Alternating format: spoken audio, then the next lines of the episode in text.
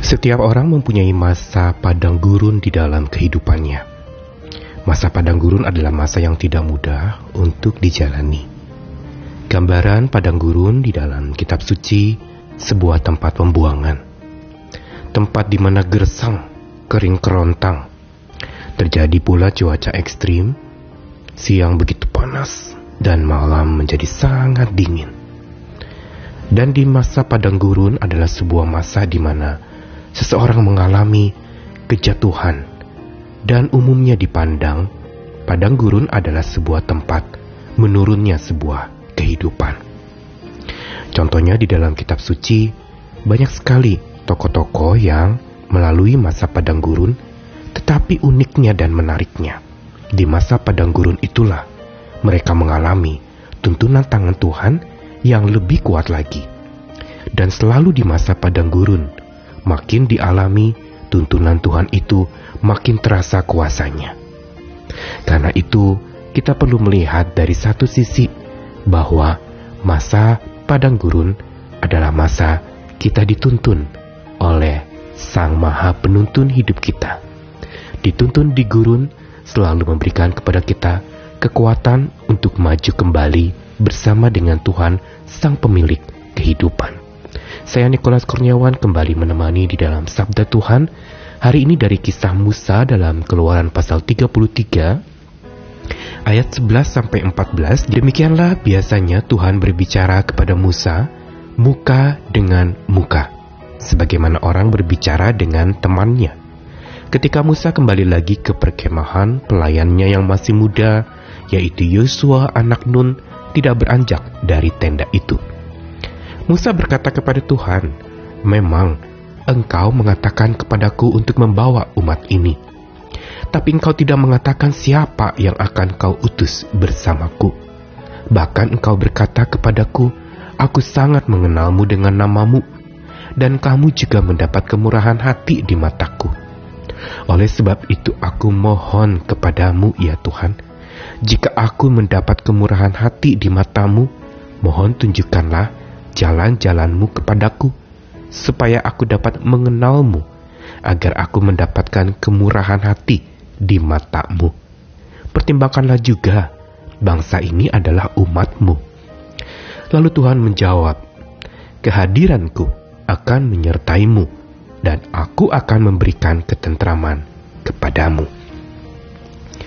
Keluaran pasal 33 adalah babak yang memang tidak mudah untuk Musa lalui di masa dia menjadi pemimpin untuk umat pilihan Tuhan yang sudah keluar dari tanah penindasan menuju ke tanah perjanjian yang dijanjikan Tuhan buat mereka.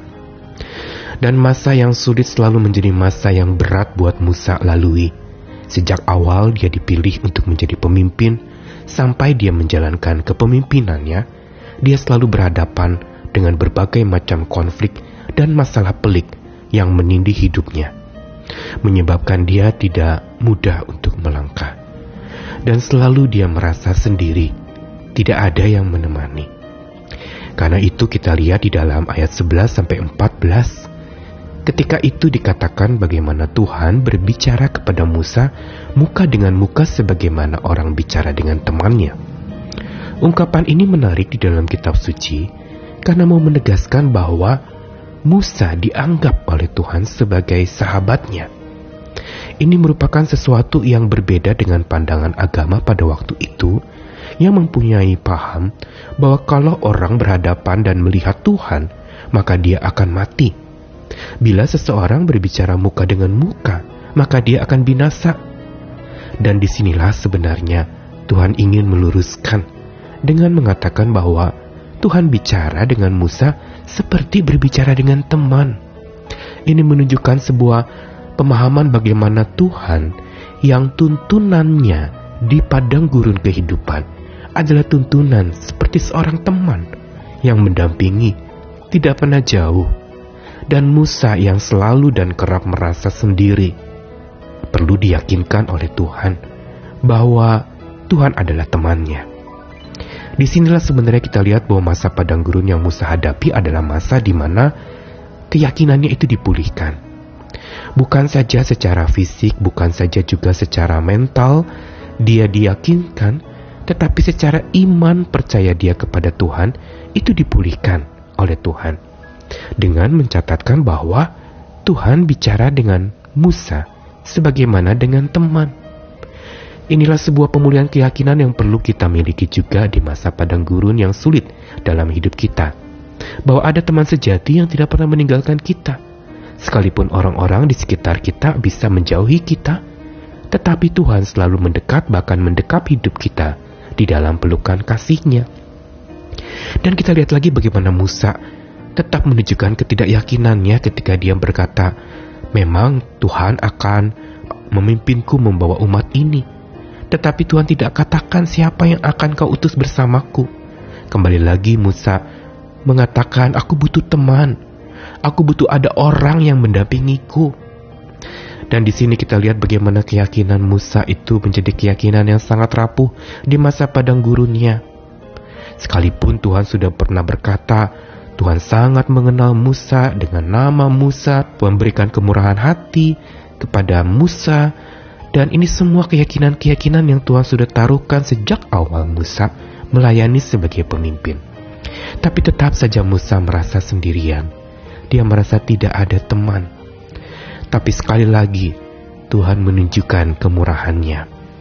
Makanya setelah Musa memohon kepada Tuhan untuk memberikan lagi kemurahan hati dan menunjukkan jalan-jalan Tuhan kepadanya supaya dia dapat mengenal Tuhan dan memperoleh kemurahan di mata Tuhan, maka Tuhan menjawab, "Kehadiranku akan menyertaimu."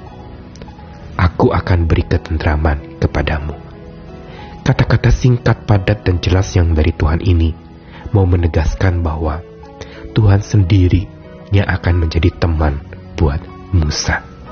Kehadiranku akan menyertaimu. Inilah sebenarnya yang kita butuhkan juga sebagai orang percaya. Bahwa Tuhan yang maha hadir, itulah sumber hidup kita menjadi tahir. Tuhan yang maha hadir yang tidak pernah akan pergi jauh dari kita. Itu yang sesungguhnya dapat memberikan istirahat yang sempurna, memberikan ketentraman yang sejati. Kata ketentraman itu dalam versi Alkitab lain digunakan istilah bahasa Ibraninya wahani hoti. Dari kata Noah yang artinya sebuah masa istirahat, masa tenang, masa jeda. Masa di mana seseorang itu bisa mengalami sebuah kelegaan, ada sebuah kehampaan tapi mengandung ketenangan di dalamnya. Inilah sebenarnya pemulihan keyakinan yang kita butuhkan di masa padang gurun, di mana keyakinan kita tampaknya menurun. Kita mungkin meragukan, ke mana Tuhan? Kita mungkin meragukan, kenapa saya tidak pulih-pulih? kita mungkin juga menuntut untuk hadirnya seorang teman yang mendampingi, sosok manusia yang menemani. Tapi Tuhan menjawab sebagaimana Tuhan menjawab kepada Musa, dia menjawab kepada kita, Aku sendiri akan jadi temanmu.